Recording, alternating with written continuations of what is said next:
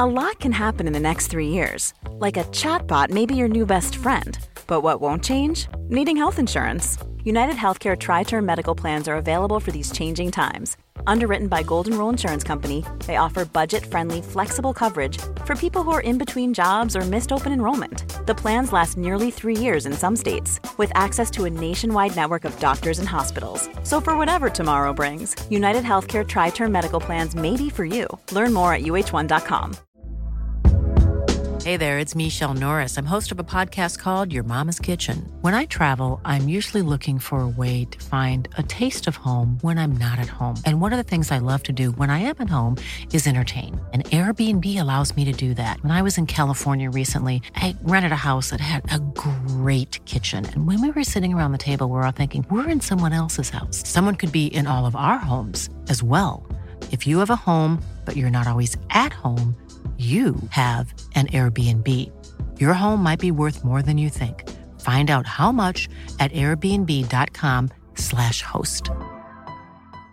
This is Paige, the co-host of Giggly Squad, and I want to tell you about a company that I've been loving, Olive and June. Olive and June gives you everything that you need for a salon quality manicure in one box. And if you break it down, it really comes out to $2 a manicure, which is absolutely insane. It's also so easy to get salon worthy nails at home with Olive and June. The difference between how your nails used to look when you did them yourself and now with the Manny system is a complete game changer. The best thing about Olive and June too is it's a quick dry. Dries in about one minute, lasts for five days, and full coverage in up to one to two coats. Visit oliveandjune.com slash perfectmani20 for 20% off your first system. That's oliveandjune.com slash perfectmani20 for 20% off your first system. Gjenklang.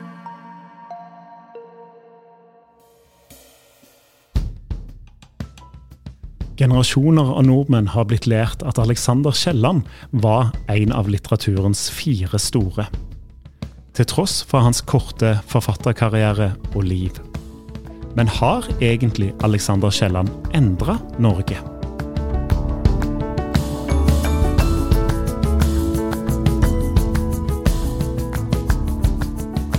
Du hører historier som endret Norge, og hvis du ikke har hørt del én om Alexander Kielland, så anbefaler jeg deg å gjøre det først. I denne delen så forteller tidligere leder for Kielland-senteret Stine Honoré videre om Alexander Kielland. Tidlig på 1880-tallet så skrev han mye, og det, det kommer jo ut mye. Eh, han, eh, han, var eh, kjempeproduktiv, eh, eh, så i løpet av alt han skrev, ble publisert i løpet av en tolvårsperiode. Eh, og fra 1880 til 1884 så kom det ut ti eh, verk. Ja. Eh, så han ble en sånn litterær superstjerne på veldig kort eh, tid. Eh, veldig mye lest, oversatt til mange språk. Eh, og han ble jo òg Han er jo kjent i dag òg som en av de fire store, sammen med Henrik Ibsen og Bjørnstjerne Bjørnson og Jonas Lie. Um, og det er jo noe som er kjent fra norsk pensum, for, de, for mange generasjoner av norske skoleelever har jo lært om de fire store. Men det var jo egentlig bare et markedsføringsstunt fra Gyldendal Forlag, eh, så det var en sånn eh, en sånn slags sånn reklamekampanje som de hadde for norske forfattere, Ja. som bare har blitt hengende igjen. Eh, som vi fortsatt refererer til som en sånn del av den norske litteraturhistorien. Han sk- holder jo ikke på å skrive så veldig lenge. Altså, den Forfatterkarrieren hans varer jo ikke så lenge. Hvorfor gjør han ikke det? Eh, Det er det veldig mange eh, som har eh, lurt på og forska på og meint mange ting om, men jeg tror det er litt vanskelig å sette fingeren på hva det var sånn helt konkret som gjorde at han sluttet å skrive. Men han, han skrev mye på 1880-tallet, og han bodde, han bodde noen år i, i Frankrike. I den perioden tok vi hele familien til Frankrike, og bodde òg i København en periode, fordi at han ikke ville være eh, i Norge. Eh, og skrev og skrev, og så, og så på et tidspunkt så, så, um, så skriver han i brev om at han har fått skrivesperre, og han klarer ikke han, han føler at han har brent ut som forfatter, eh, og i løpet av disse åra som gikk, så, så fikk han stadig større pengeproblemer. Han levde alltid over evne, han brukte alltid mye mer enn det han hadde. Så han hadde alltid pengeproblemer, og så var han eh, Han likte jo det gode liv, han spiste for mye, han drakk for mye. Han ble etter hvert òg plaga av livsstilssykdommer eh, og ble, hadde dårlig helse. Um, og så um, Kan du beskrive litt uh, håper å hvordan han levde? Han um, likte jo godt uh, en god fest, og han likte godt uh, å ta seg en del glass vin og champagne og litt Han skriver om, om østers, og han skriver at, at favorittretten hans det var agerhøns med champagne. Mm. Uh, og han er veldig opptatt av mat, han skriver mye om mat i brevene sine. Eh, så han var jo veldig, veldig overvektig og, og i perioder òg nok ganske deprimert på 1880-tallet, og at det òg kanskje var en grunn til at han, eh, at han ikke klarte å, å skrive lenger, og kjente nok òg kanskje på et press i det at han hadde um, At han ble så fort populær etter at han debuterte. Det var mye forventninger til eh, hva han eh, skulle prestere. Um, og så går jo tida fort òg, så kanskje han ikke helt klarte å henge med i, uh, i tida, og, mm. og, var veldig opptatt uh, av um, å skrive sånn Altså innenfor um, Innenfor realismen, og så og så skjedde det endringer innenfor kunsten og litteraturen òg. En fikk nye stemmer som kom på banen. Eh, Hamsun, for eksempel. Eh, og, og, plutselig så klarte kanskje ikke Kielland å henge med eh, i tida. Og fornye seg på samme måte som noen av de andre evner å gjøre, da. Mm. Så er det en kombinasjon med skrivesperre og dårlig råd da, som gjør at han eh, en slags sånn kryper til korset og blir journalist. ja, og det er ganske interessant, eh, fordi at når han, han flytter hjem fra, fra, Frankrike på slutten av 1880-tallet, og da hadde han ingen penger, eh, og da lurte han på hva, hva skal jeg gjøre nå? Eh, og da eh, skriver han på et tidspunkt til broren sin Jakob, eh, i et brev så skriver han at nå har det kommet så langt at jeg tror at jeg kanskje nærmer meg det jeg har forakta så intenst, journalistikken. eh, og da tror jeg Da, da, da sier han jo òg noe om at, det, at, eh, at, tekstene hans har gått fra å være en realistisk gjengivelse av virkeligheten, til at han planlegger å bevege seg over i å bare rapportere fra virkeligheten. Mm. Så i 1889 så blir han redaktør i det som heter Stavanger Avis. Og det var han òg ganske tydelig på at han eh, gjorde fordi at det, da skulle han tjene penger. Ja. Eh, og det var litt sånn på vinteren i 1889, eh, og allerede i mai da så skriver han til, eh, til Bjørnstjerne Bjørnson i et brev at uff, nå begynner jeg å bli litt lei av av å være journalist. så det varte ikke så lenge. Men han var veldig effektiv og veldig produktiv som journalist, og klarte å gjøre seg sjøl veldig upopulær eh, i Stavanger eh, i den perioden han var redaktør for Stavanger Avis. Ja, og det er jo eh, Han får jo utretta mye, mye, på den korte perioden som eh, redaktører i dag ville, ville beundre han for, for, å gjøre. det. Eh, men det er jo i en tid, som du sier, da, det er mye å sette fingeren på. Det er mye, mye, å ta tak i, og han, han spydde ut kritiske artikler eh, og angrep litt sånn i hytt og vær. Eh, hadde mye på hjertet og fikk nok, eh, fikk nok virkelig slått seg løs som, som samfunnskritiker i den perioden når han jobbet som journalist. Mm. hva kan du si om politikeren Alexander Kielland? Um, han var jo, altså, når han var borgermester, så var jo ikke det noe um, Det var jo ikke valg uh, sånn som det er i, i, dag. sånn at Han var jo ikke valgt som borgermester, han var utnevnt uh, som embetsmann. og da um, uh, var det sånn at at mange norske forfattere på den tida, de fikk det som heter diktergasje. De fikk lønn fra Stortinget for å kunne leve av forfatterskapet. Um, og Kielland eh, han fikk aldri den diktergasjen, eh, selv om, eh, om særlig da Bjørnstjerne Bjørnson i flere omganger søkte til Stortinget på Kielland sine vegne om at han mm. skulle få denne her Det ble jo som en sånn kunstnerlønn ja. som vi har i dag. Uh, og så fikk han aldri den. Um, og så ble han borgermester i Stavanger i 1891. Men grunnen til at han ikke får den kunstnerlønnen, er jo fordi at mange mener at han er for kontroversiell, da. Ja. Eh, mange for... mente at, eh, at Kielland eh, representerte for radikale tanker, mm. og òg litt dårlig moral, og at han hadde ytra seg for kritisk eh, om, eh, om, ulike eh, eh, politiske saker og om, om samfunnet. Um, så Stortinget innvilga aldri den uh, dikterlønnen til Kielland. Og Det ble jo en debatt òg sånn hver gang, og som er med på å splitta Venstre i, i, sin tid, så det har jo liksom litt politisk kraft. Det var, en, det var en kjempestor debatt som på en måte ble litt større enn en seg sjøl. Ja. Eh, og, og um, det kan jo uh, Det har ofte blitt sagt at um, at det var en av Kielland sine bysbarn, Lars Oftedal, som, som på en måte var en slags bitter fiende av Kielland, som var med på å, å, hindre at eh, Han var stortingsrepresentant, var med på å hindre eh, at Kielland skulle få eh, den posisjonen som, som lønna av staten, da.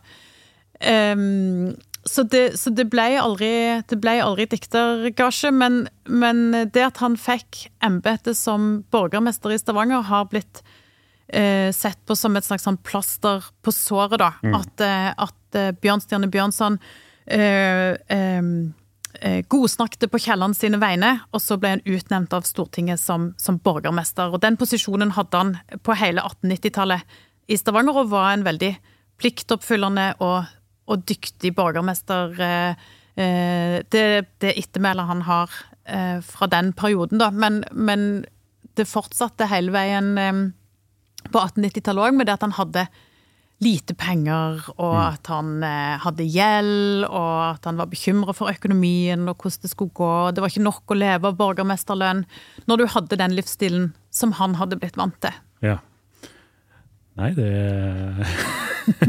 det, det, ser jeg jo for meg. Men han, eh, eh, han drar jo til Molde òg. Ja. Eh, han, eh, på slutten av livet, det var på en måte den siste, den siste um, jobben, siste rollen han hadde, det var å være amtmann i Molde. Og der òg Bjørnstjerne Bjørnson var jo fra Molde, så han hadde òg en finger med i spillet ja. der, eh, når han ble utnevnt som, eh, som amtmann. Og da eh, eh, eh var han eh, der fram til han døde i 1906. Og han, det syns han òg var en, en, Han trivdes i Molde. Mm. Savna alltid Stavanger når han ikke bodde der, men han trivdes i Molde og, og trivdes i jobben som, som amtmann. Mm. Mm. Og så har han en rolle i Altså, når Ålesund brenner. Eller ja. da Ålesund brant, i 1904. Hva, hvor, hvor er, hva er rollen til Kielland da? Eh, da var jo han, eh, da var jo han eh, amtmann i Molde og fikk, eh, fikk beskjed om denne brannen, som jo var veldig veldig dramatisk. Det var jo store deler av Ålesund sentrum som ble lagt i ruiner. Eh, og det var et sånn akutt behov for, for, eh, nødhjelp. Det var om vinteren, det var jo kaldt. Det var masse, masse folk som hadde mista hjemmet sitt. Og da, da reiste Kielland med en gang til Ålesund, og så har han skrevet om det i brev og sånn seinere, at det da Eh, det var, sånn fantast, det var, noen fantastiske dager, eh, for da tror jeg han følte at han var veldig til nytte igjen. Ja. Og han organiserte hjelpearbeidet og opprydningsarbeidet og var veldig sånn aktiv eh, til stede eh, i de dagene etterpå eh, for, å, for, å, hjelpe befolkningen i Ålesund. Han var veldig sånn engasjert i, i, de som hadde mista alt de eide, og, og tror, han, han, følte nok at han var veldig til nytte mm. i den um, situasjonen der. Og så syntes han nok det var litt spennende, det var litt dramatisk. Og, ja. Mm. Men kan jo òg si at, eh, at um, jeg har lest at han skriver i et brev at, at han føler at han jobber sammen med alle de andre, og det var jo litt sånn at en holdt på å sjaue og sov. Uh, eh, sov rundt forbi der det var plass å sove, men at han eh, litt sånn seint på kvelden, når alle andre hadde lagt seg, så rodde han ut til et sånt skip som han hadde liggende i, til kaien i Ålesund. og der hadde han en sånn kahytt og fikk seg litt sånn god mat. Ja. Ja. Men han, han framsto hele veien utad som om han eh, eh, delte eh, innbyggerne sin lidelse i, i ja. den brannen. Ja. Men han hadde, han, han hadde en liten Han hadde en liten sånn backup. Ja. eh, ja. Nei, han har jo det er godt valg. Quality sleep is essential. That's why the Sleep Number Smart Bed is designed for your ever evolving sleep needs. Need a bed that's firmer or softer on either side? Helps you sleep at a comfortable temperature? Sleep Number Smart Beds let you individualize your comfort so you sleep better together. JD Power ranks Sleep Number number 1 in customer satisfaction with mattresses purchased in-store. And now, save 50% on the Sleep Number limited edition Smart Bed for a limited time. For JD Power 2023 award information, visit jdpower.com/awards. Only at a Sleep Number store or sleepnumber.com. One size fits all seemed like a good idea for clothes Nice dress. Uh, it's a it's a t-shirt. until you tried it on. Same goes for your healthcare. That's why United Healthcare offers a variety of flexible, budget friendly coverage for medical, vision, dental, and more. So, whether you're between jobs, coming off a parent's plan, or even missed open enrollment, you can find the plan that fits you best. Find out more about United Healthcare coverage at uh1.com. That's uh1.com. Mom deserves the best, and there's no better place to shop for Mother's Day than Whole Foods Market. They're your destination for unbeatable savings, from premium gifts to show-stopping flowers and irresistible desserts. Start by saving 33% with Prime on all body care and candles. Then get a 15-stem bunch of tulips for just $9.99 each with Prime. Round out Mom's menu with festive rosé, irresistible berry chantilly cake, and more special treats. Come celebrate Mother's Day at Whole Foods Market. Men eh, eh, det å være i Romsdal og være så glad i naturen som han var, eh, det må jo òg ha vært fint for han. Eh, eh, naturelskeren Alexander Kielland eh, har, har du brukt litt tid på når du var leder for, for Kiellandsenteret. Hvorfor er det noe å trekke fram? Det er noe som For når vi har lært om Kielland på skolen, og når en snakker om Kielland, så snakker en alltid om, om eh, det med realismen og samfunnsproblemene som han var så opptatt av. Men det er veldig veldig interessant å se på Kielland som en naturelsker, eh, for det var han eh, virkelig. Og det er en sentral del av forfatterskapet hans som kanskje av og til ikke blir snakket så mye om, da. Ehm, og han, eh, han Gjennom hele forfatterskapet, og særlig i brev òg, så, så skriver han om naturen, han skriver om Jæren, og han skriver om, eh, om havet og om fuglene. Og Kielland-familien de hadde et landsted på Orre på Jæren, eh, og det var hans favorittsted på jord. Um, han skriver i et brev uh, jeg har, um, jeg har for evig begravet mitt hjerte i sanden der, og da er det jo jærstrendene han snakker om. Eh, og fugler, for eksempel, det er et gjentagende motiv i forfatterskapet. De dukker opp uh, ofte.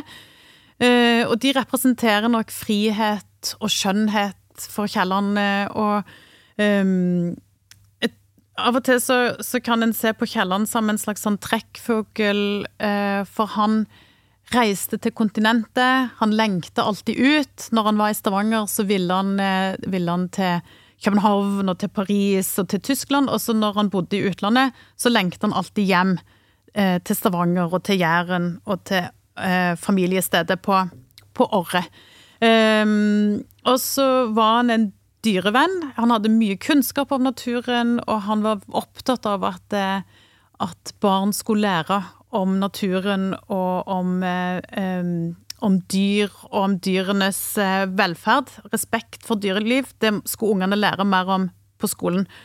Og så har han f.eks. en novellette fra debutsamlingen som heter 'Torvmyr', som er veldig, veldig fin. Og den er skreven til en tegning som søster og Kitty tegnte. Hun tegnte et sånn jærlandskap med noen ravner som fløy eh, over landskapet, og så spurte hun Alexander om ikke han kunne skrive en tekst til den tegningen. Og det er på en måte det eneste eh, kjente samarbeidet mellom de to søsknene. Ja. Så skrev han denne her novelletten som heter Torvmyr, eh, og der er ravnen på tegningen eh, fortellerstemmen. Eh, og eh, den ravnen, den flyr over landskapet. Det står jo ingen plass at Jæren. Han skrev jo aldri Han nevnte aldri ved navn eh, verken Jæren eller Stavanger eller noen ting. Men det er ganske tydelig at han flyr, denne ravna flyr over, over Jæren, og så eh, og forteller eh, med sånn forarga stemme om eh, det som man ser at menneskene holder på med. Uh, og da er det det at menneskene tar seg til rette i landskapet. Dette var jo når en var på vei inn i det moderne uh, jordbruk.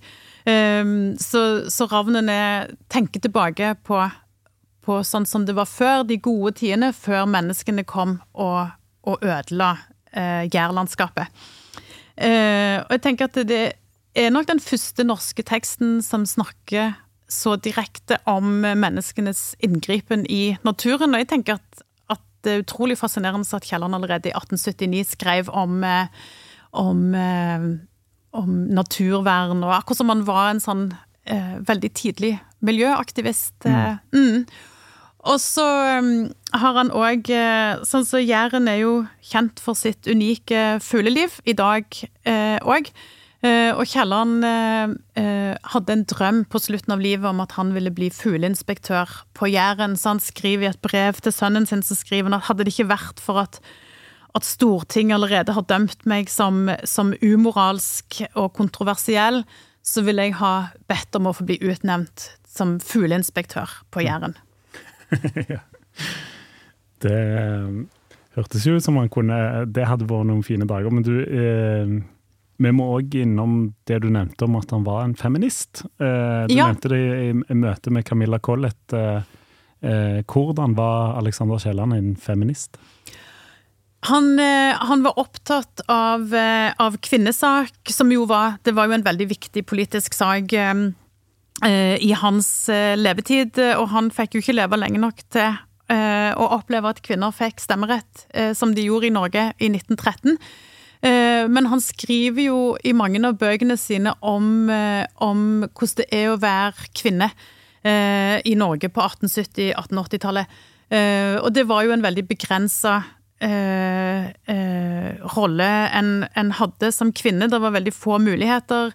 Og han skriver om livet som kvinne i arbeiderklassen, som jo var veldig hardt, og der en, der en hadde begrensa med Eh, en kunne jo være tjenestepike eller jobbe på en fabrikk, eh, og ehm, eh, og kvinnene i, i, borgerskapet skulle jo Det var jo forventa at de gifta seg, at de fikk barn, og at de på en måte bare var eh, en sånn eh, stille tilstedeværelse i familiens liv, eh, som kanskje vet ikke, jeg spilte litt piano, broderte litt, og mm. ikke gjorde så mye mer enn det.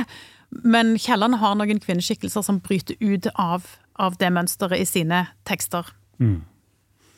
Hvordan har Alexander Kielland endra Norge? Han, eh, han, har jo altså først og fremst kanskje som, som, en del av en større bevegelse, sammen med alle de andre eh, eh kreftene eh, i samtiden, eh, som jobber for sosial rettferdighet og likestilling og like rettigheter. Eh, der utgangspunktet var at, at kunsten og litteraturen hadde makt og påvirkningskraft eh, til å endre samfunnet. Så er det jo viktig å huske på at det er mange det er jo mange forfattere i dag òg som skriver i det som en kan kalle for kjellerens ånd. Mm. Eh, som bruker litteraturen for å belyse problemer i samfunnet i dag, og skape debatt gjennom, gjennom eh, bøkene sine.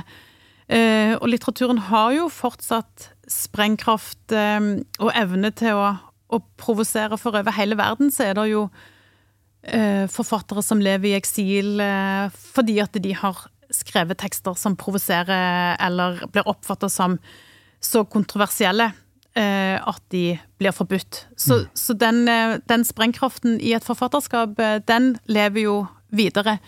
Eh, men jeg tror jo at en av de viktige tinga som han oppnådde sånn helt konkret, det er når han var journalist Eh, så, så skrev han om eh, eh, en institusjon i Stavanger som heter Den kombinerte innretning. Og Den kombinerte, innretning, det var en institusjon som var oppretta for å ta vare på de svake og syke i samfunnet. Den lå midt i Stavanger sentrum.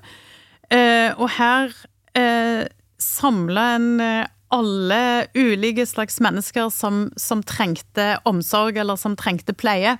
Eh, så her var det eh, gamle kvinner som ikke kunne forsørge seg sjøl. Det var et sykehus, og det var jo syke der. Det var tvangsarbeidere som ble plassert der.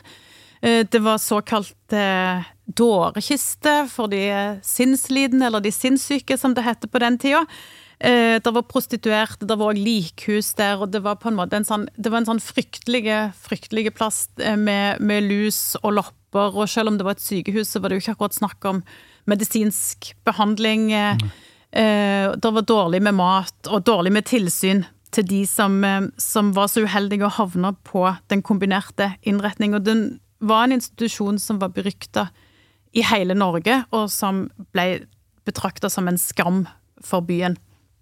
Og, og når han var redaktør, så så drev Kielland med litt sånn nyskapende, oppsøkende journalistikk. Han besøkte den kombinerte innretningen, han rapporterte om det han, eh, det han så der, eh, og beskrev hvor forferdelig det faktisk var. Eh, å være, å være innlagt eller å være plassert der.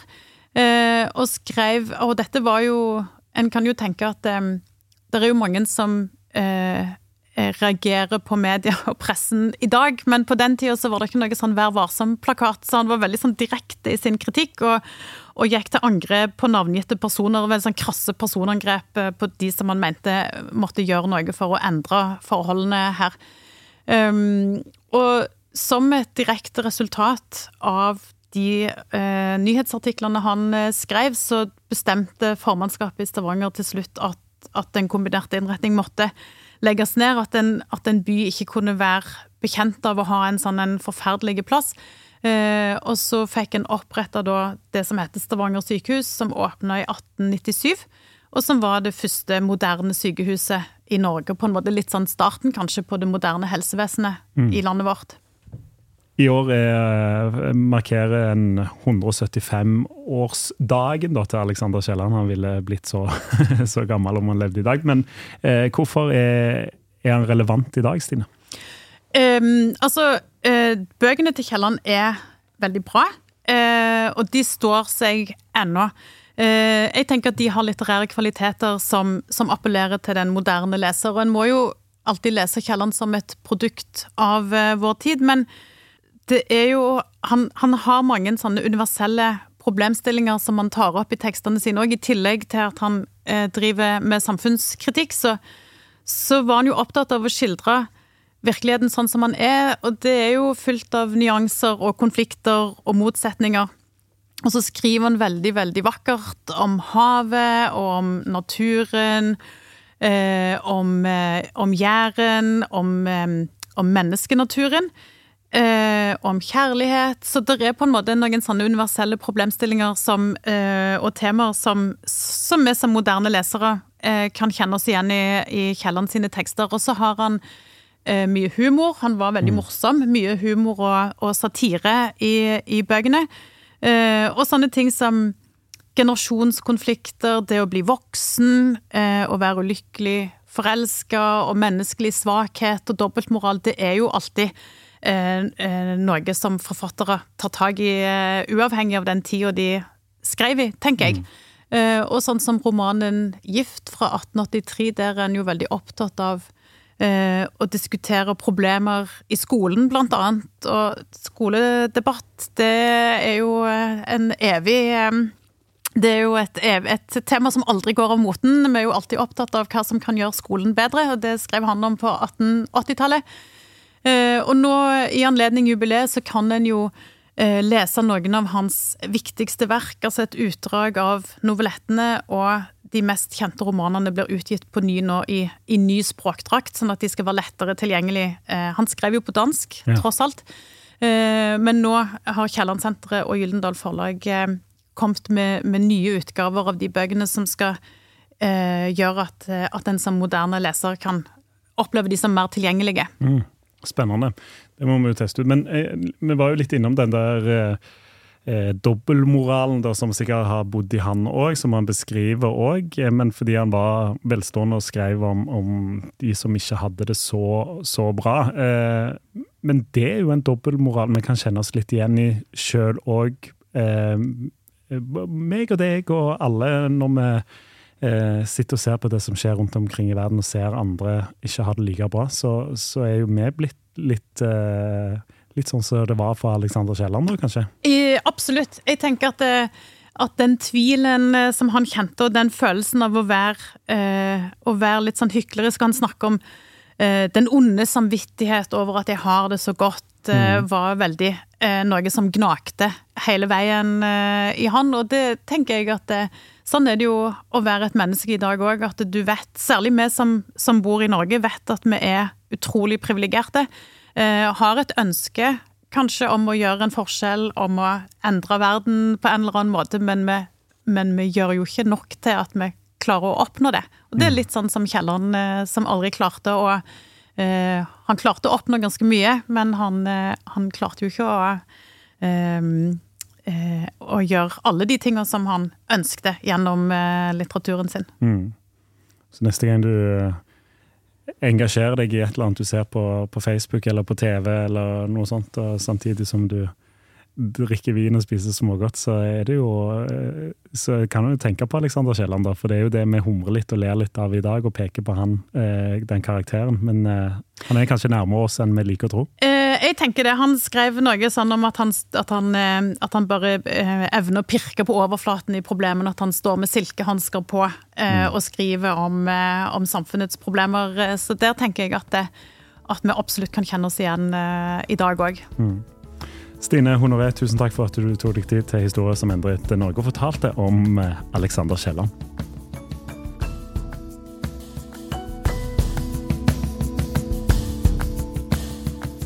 Hvis du er glad i historier som endret Norge, så vil du òg like historier som endret verden. Kollega Kristian Konglund han eh, kommer med en ny episode hver torsdag. Og nå på torsdag så kommer han med en splitter ny episode av Historier som endret verden. Ta og Sjekk ut eh, den. Du kan òg eh, følge oss i Historier som endret Norge på Instagram. Der legger vi ut bilder og videoer som er relatert til ukens episode. Der kan du òg komme i kontakt med meg om du har episodeønsker eller gjesteforslag. Ta og send meg en melding på Instagram. Historier som endret Norge. Gjenklang.